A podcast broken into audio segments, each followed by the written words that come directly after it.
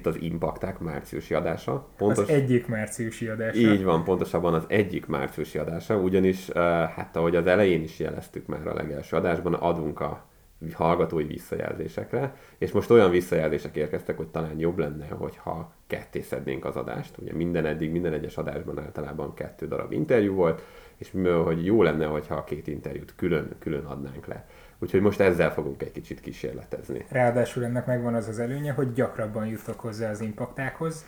Így van, megpróbálunk valamilyen rendszerességgel, kéthetes rendszerességet betartani, legalábbis a próbaperiódus alatt, aztán a ismét érkező visszajelzések alapján úgy is eldönthetjük, hogy megfelelőbb nektek ez a felállás, vagy pedig nem.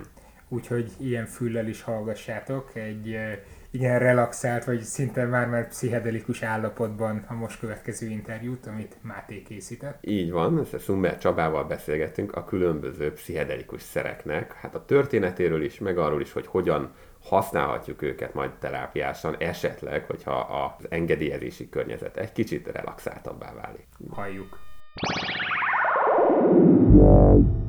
Az Impakták márciusi adásának egyik vendége Summer Csaba, aki a Károli Gáspár Református Egyetem szociálpszichológiai és interkulturális pszichológiai tanszékének tanszékvezető egyetemi docense, és akit azért kerestem meg, mert hogy az elmúlt uh, hónapokban számos cikk jelent meg különböző uh, újságokban, illetve szakmai magazinokban arról, hogy a különböző pszichedelikus uh, szereknek a használata az talán eddig az elmúlt három évtizedben kicsit indokolatlanul volt megszigorítva, és hogy igazából nem vagyunk tisztában azzal, hogy ezeknek a szereknek milyen potenciális terápiás alkalmazása lehetne, és eljött az idő arra, hogy, egy, hogy ez, ezt egy kicsit jobban feltárjuk. Köszöntünk az Impaktákban, Csaba. Én is köszöntöm a hallgatókat. És akkor, akkor mesélj nekünk erről, hogy, hogy ez a reneszánsz, ez honnan jött, illetve hát mi az előtörténete ezeknek a kutatásoknak?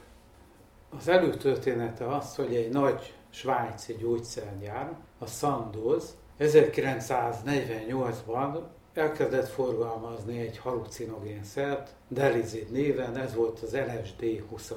Először úgy gondolták, hogy ez egy kutatási eszköz lesz, amivel a pszichózist lehet modellezni, reverzibilis módon természetesen, tehát néhány órára kiváltják, az LSD esetében 8-10 óráig tart ez a hatás. Aztán rövid idő alatt rájöttek, hogy nem pszichózis ez az élményállapot. Hogyha megnézzük a fenomenológiáját az LSD élménynek, akkor az sokkal szervezettebb, mint a pszichózisoké. Általában kellemes, érzelmi szempontból kellemes, és jó felidézhető jobban felidézhető, mint az álmok. És akkor, hogyha jól értettem, ez azért megkülönbözteti ezeket a szereket a klasszikus kábítószereknek eh, nevezett dolgoktól. Ugye, hogy itt ebben az esetben, ahogy te is mondtad, hogy minden esetben nagyon valós élményként eh, emlékezik vissza mindenki arra, amit átért a szer használata közben, ellentétben mondjuk ugye a klasszikusabb drogokkal, vagy akár az alkohollal, ahol valami mennyire mindenki tisztában van, hogy egyfajta ilyen módosult tudatállapotban volt. Az LSD 25 az egy gyógyszer volt, aminek az ártalmatlanságáról a Sandoz természetesen meggyő, meggyőződött. Hogy ez miért változott meg, az egy érdekes történet. Alapvetően arról van szó, hogy belekerül az ellenkultúrának az áramlatába a 60-as években, és kibontakozik egy tömeges abúzus, tehát nem megfelelő módon, nem rendeltetésszerűen használják. És akkor ez a gyógyszer gyorsan elveszíti ezt a legális státuszát.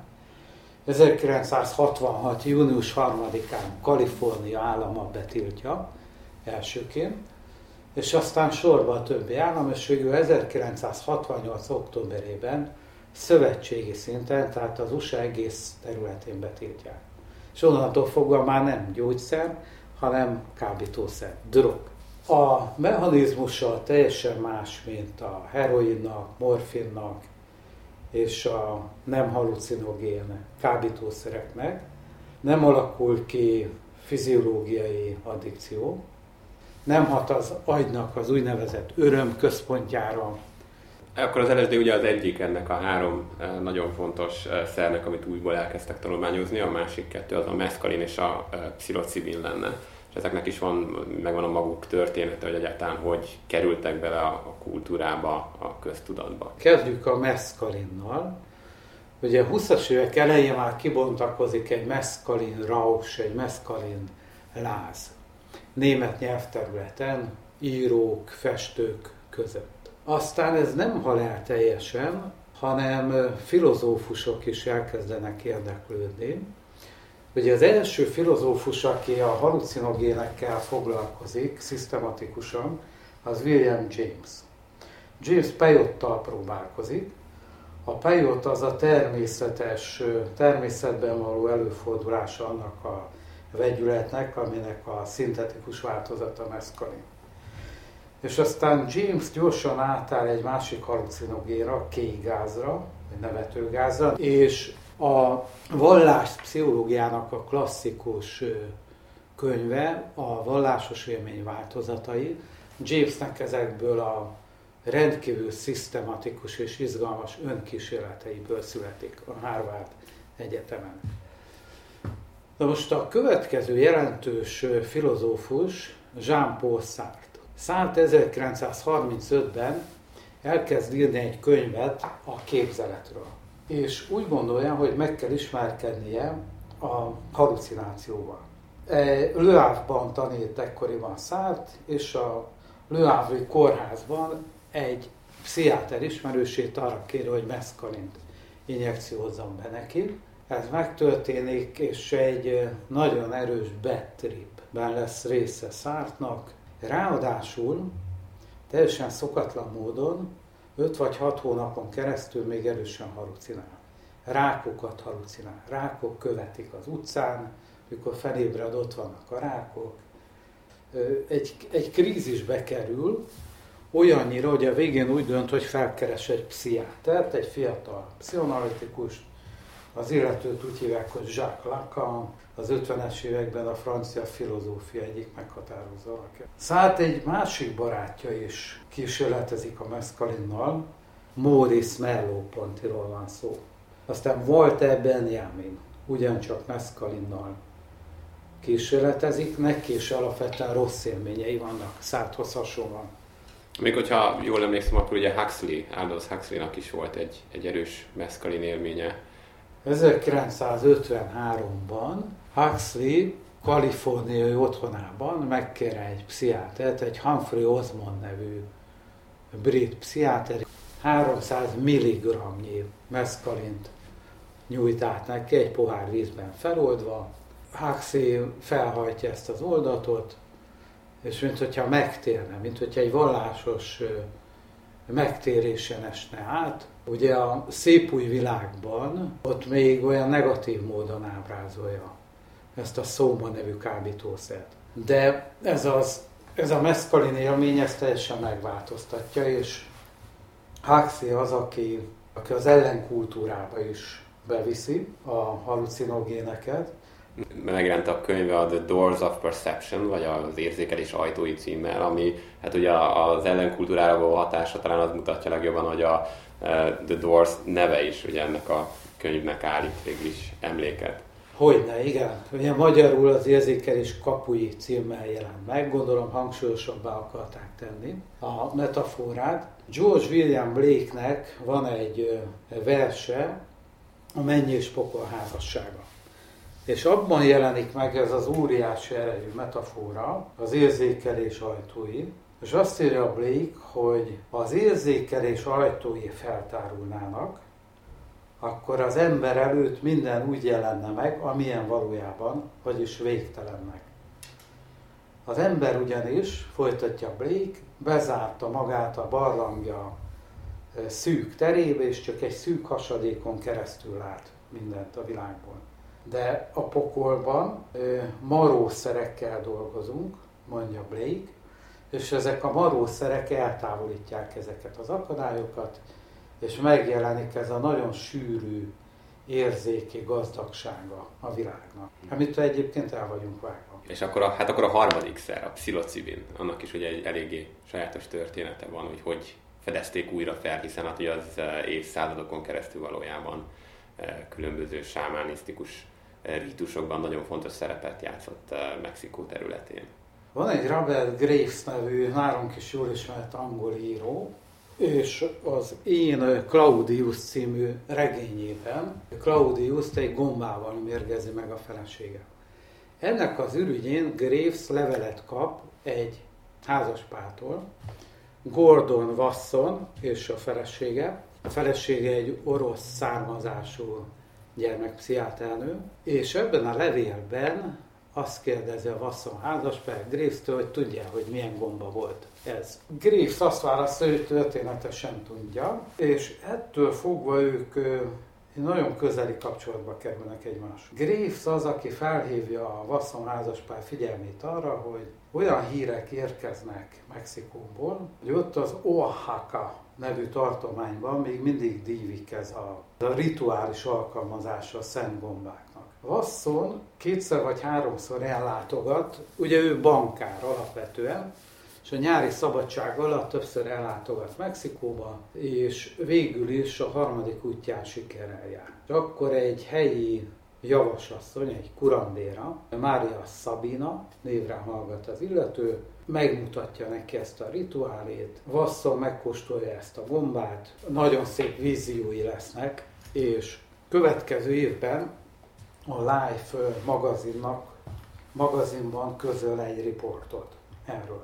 És ez a Life Report 1957-ben jelenik meg, és az első olyan tudósítás a halucinogénekről, ami már nem a művészekre, nem a pszichiáterekre, nem egy szűkebb közönségre szorítkozik, hanem ugye a Life akkoriban talán a legnépszerűbb, legismertebb magazin a világon, és a magazinoknak akkor rendkívül jelentősége volt kulturális szempontból. Ettől fogva nagyon sokan felfigyelnek a halucinogénekre. Így került Timothy Learyhez is, ugye utána a következő évtizedben vagy évtizedekben az egyik leghíresebb, hát talán kis tudásod adjuk apostola volt az ilyen pszichedelikus szerek használatának és vizsgálatának.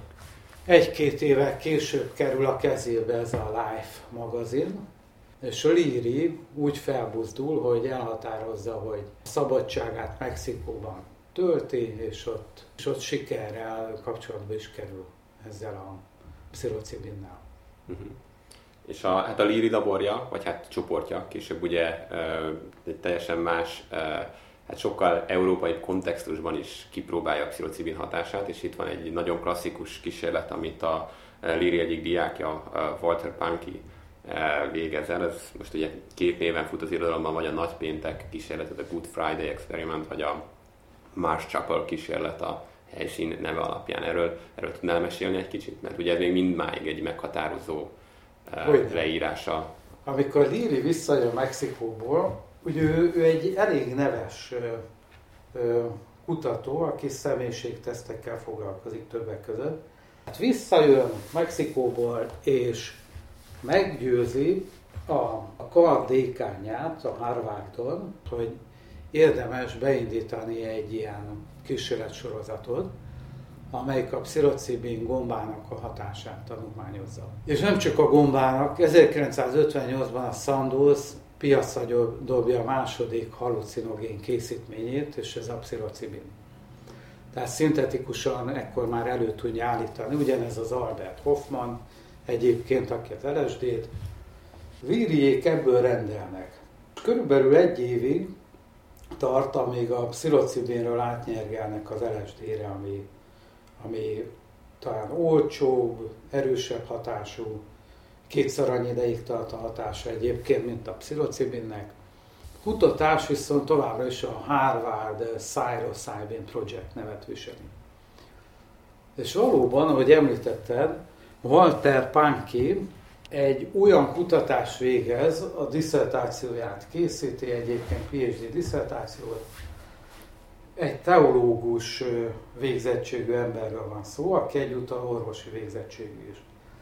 És elhatározza Pánki, hogy laboratóriumi körülmények között fogja megmutatni, hogy az LSD-át, vagy a pszilocibin, pszilocibint használ Pánki is, a pszilocibin által kiváltott spirituális vallási fantáziák egyenértékűek a klasszikus, misztikus élményekkel, fantáziákkal. Valóban húsvét nagypéntekén zajlik a kísérlet, 1962-ben vagyunk, a Harvard Egyetemnek az alaksorában. Véletlenszerűen kisorsolnak tíz embert, aki pszilocibint kap, tíz ember lesz a kontrollcsoport, aki placebót kap, aktív placebót, nikotinsavat.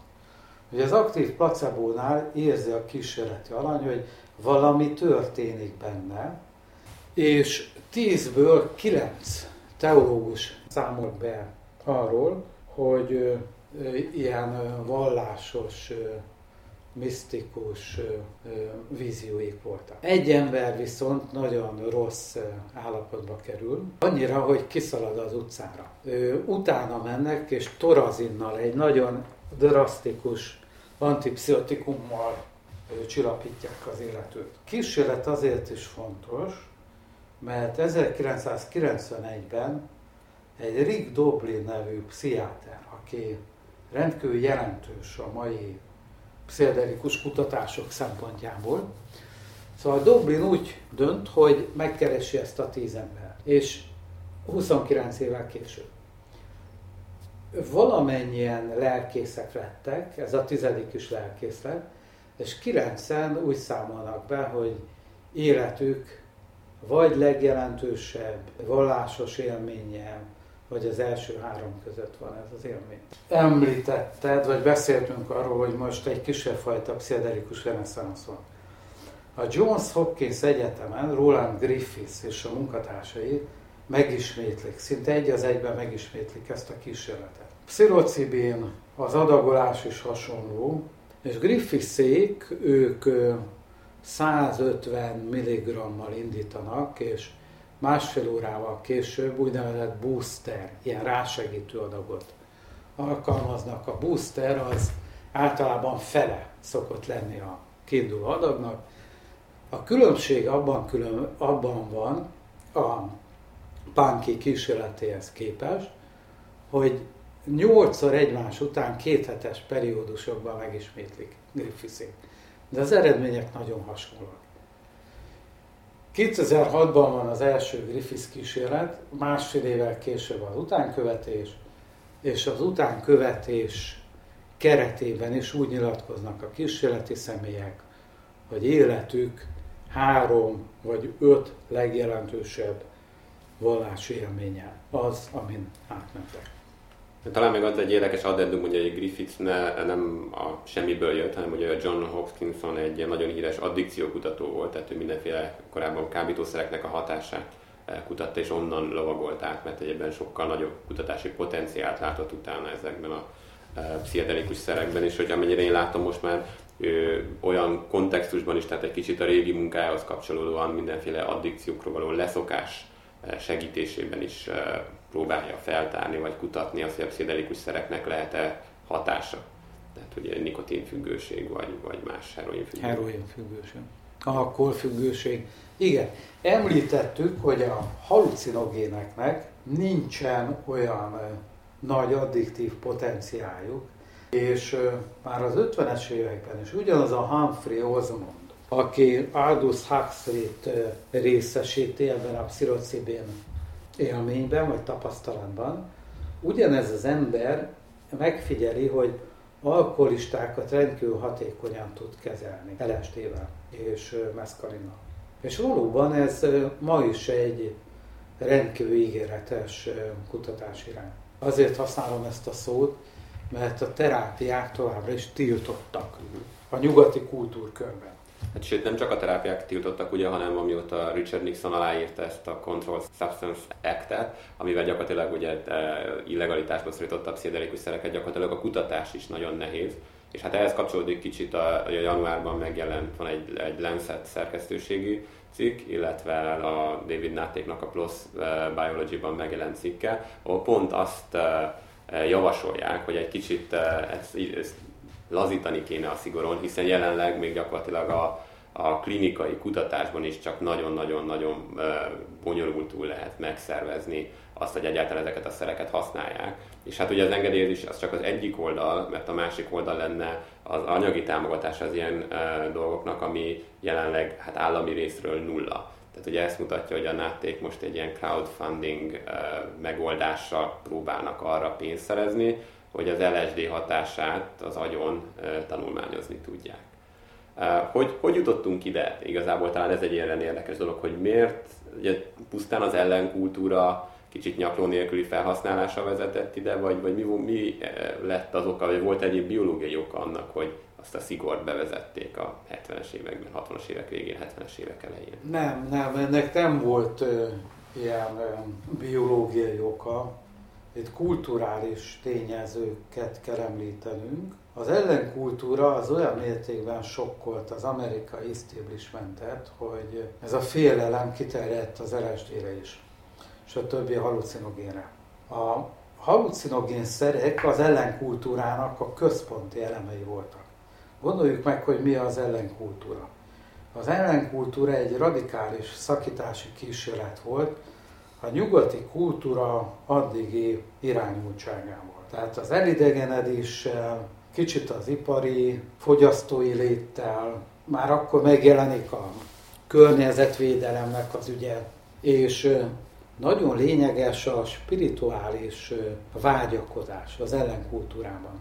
Ez szervesen épül az amerikai vallási tradíciókra, de a végeredmény valami olyasmi lesz, hogy mondjuk 1963 és 73 között van egy rendkívül erős bumja az ellenkultúrának, és utána lecseng az egész. Amerika konzervatív irányba változik. Gazdasági, politikai és társadalmi okok miatt. Ennek válik az áldozatává az LSD és, a, és az unokatestvérei. Hát ugye most pont, egyébként meglepő módon pont Amerikában van egy ilyen központja ennek a reneszánsznak, de hogy ugye teljesen más kontextusban próbálják most használni, mert mint olyan szempontból, hogy nem csak a, pusztán azt próbálják leírni, hogy mi a hatása, hanem itt konkrétan általában gyógyíthatatlan rákbetegeknek a rákbetegek esetében a különböző szorongások, félelmek és depresszió kezelésében. Ezekről a kísérletekről esetleg tudsz mondani valamit? Ezek a kísérletek is megjelennek már a 60-as évek közepén. Felfigyelnek arra, hogy terminális stádiumban lévő rákbetegekre igen jó hatással van az LSD. Ugyanis valóban oldja a szorongásokat, nagyon élénk vallási víziók, fantáziák jelennek meg, és nagyon erőteljes a fájdalomcsillapító hatása. Ez, ez mind-mind ígéretes. Különösen, hogyha figyelembe vesszük, hogy mi lenne az alternatívája a fájdalomcsillapításnak, morfin.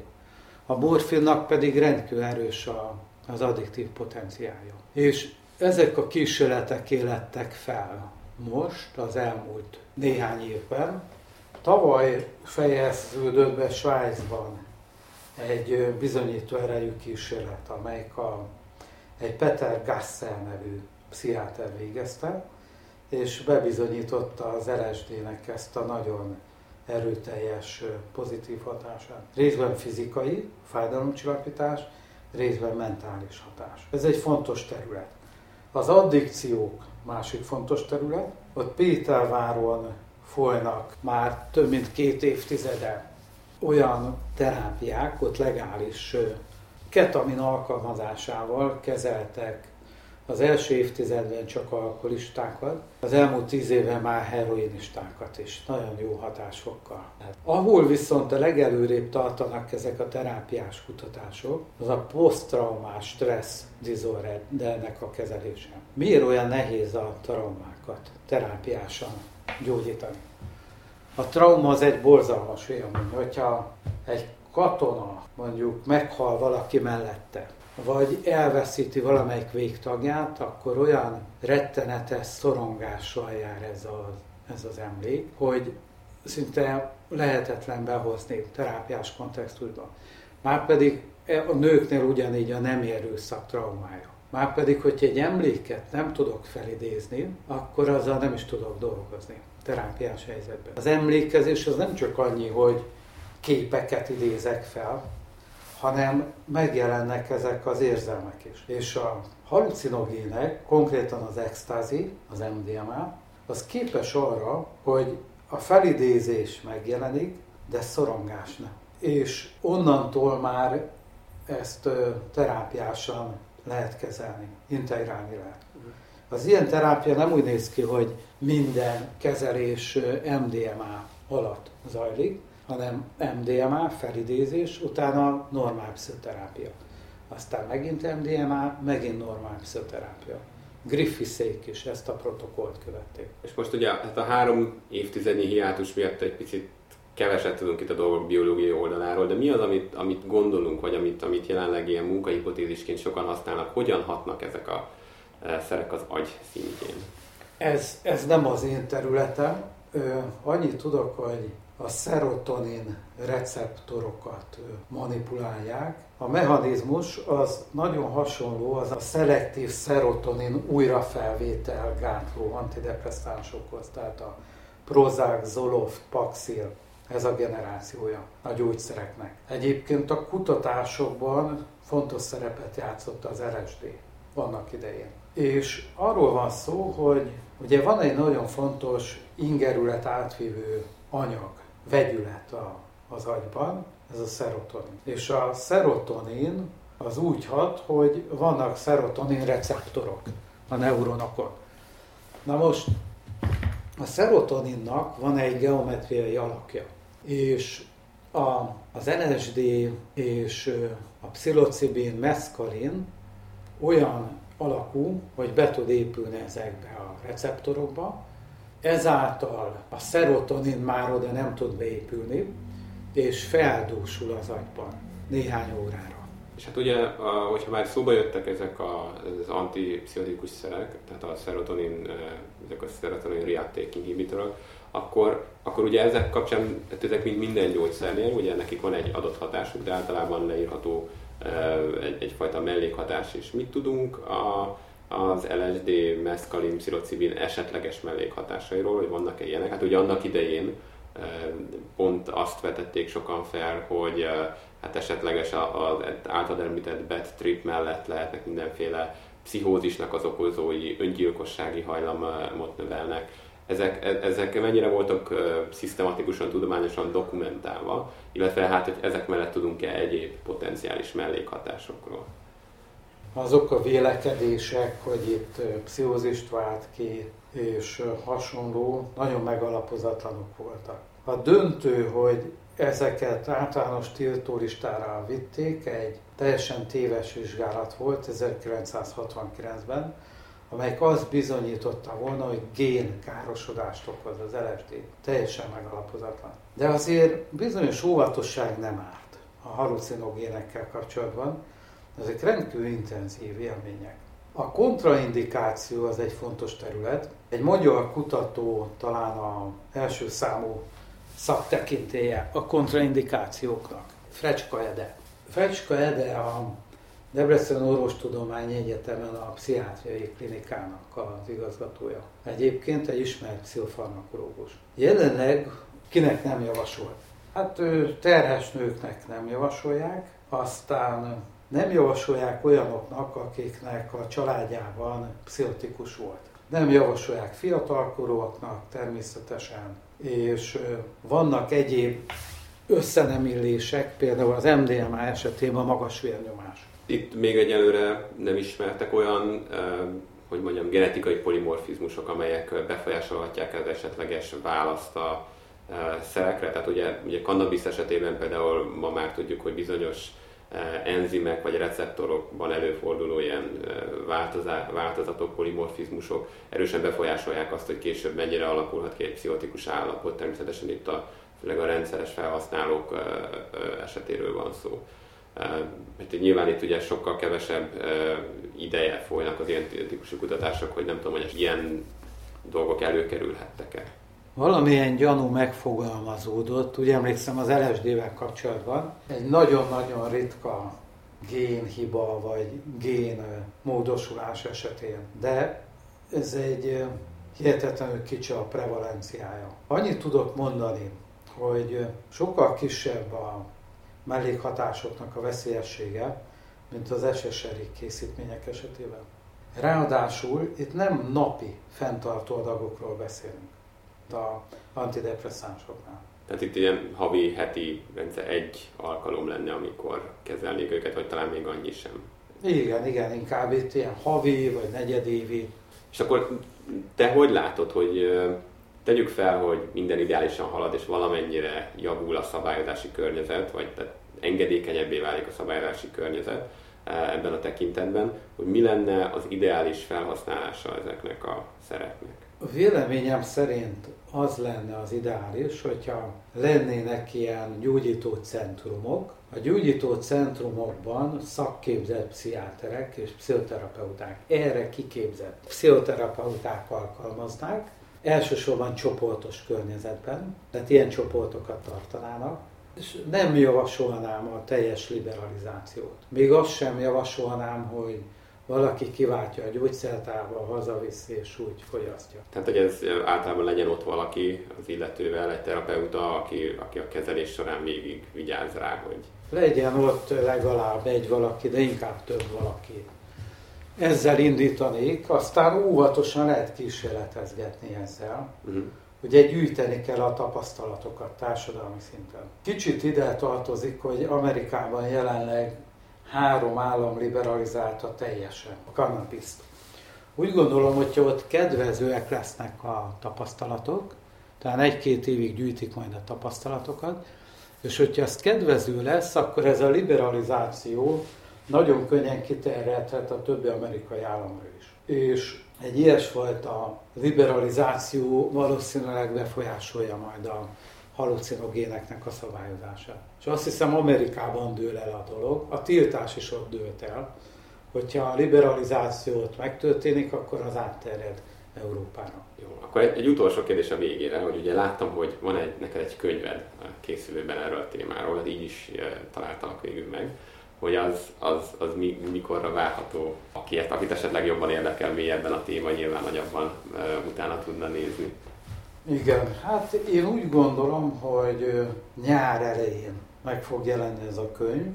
Az lesz a címe, hogy pszichedelikumok és spiritualitás. És elsősorban azt fogja vizsgálni, hogy ezeket a spirituális élményeket, fantáziákat hogyan idézik elő a halucinogének, milyennek a kulturális vonatkozása. És talán újabb egy év múlva megjelenik majd egy átfogó monográfiám, amelyik a terápiás hatásokra is kiterjed, kulturális, történeti vonatkozásait is tárgyalja majd a halucinogéneknek. Nagyon szépen köszönöm. Nagyon szívesen. Elég érdekes volt ez az interjú nagyon érdekes megközelítéseket lehetett hallani. Arra azonban szeretnénk felhívni mindenkinek a figyelmét, hogy ezek a szerek egyelőre illegálisak. Igen, azt hiszem, hogy a Csaba is mondta, ez tipikusan a Don't Try This at Home kategóriába esne. Úgyhogy még az impakták hallgatása közben sem javasoljuk hasonló szereknek a használatát. Így van. Tehát akkor, ahogy mondtuk az elején, ez volt az egyik márciusi adásunk. Hamarosan jelentkezünk a következővel, főleg mi már nincs is olyan sok márciusból. Úgyhogy legyetek akkor is velünk, és hogyha van valami gondolatotok erről az adásról, vagy úgy általában az adásnak a szerkezetéről, akkor feltétlenül írjatok az impaktákkukac.gmail.com címre. És köszönjük a figyelmeteket! Még annyit elmondanám persze, hogy a podcast szignálját azt Tövisházi Ambrus készítette. Sziasztok! Sziasztok!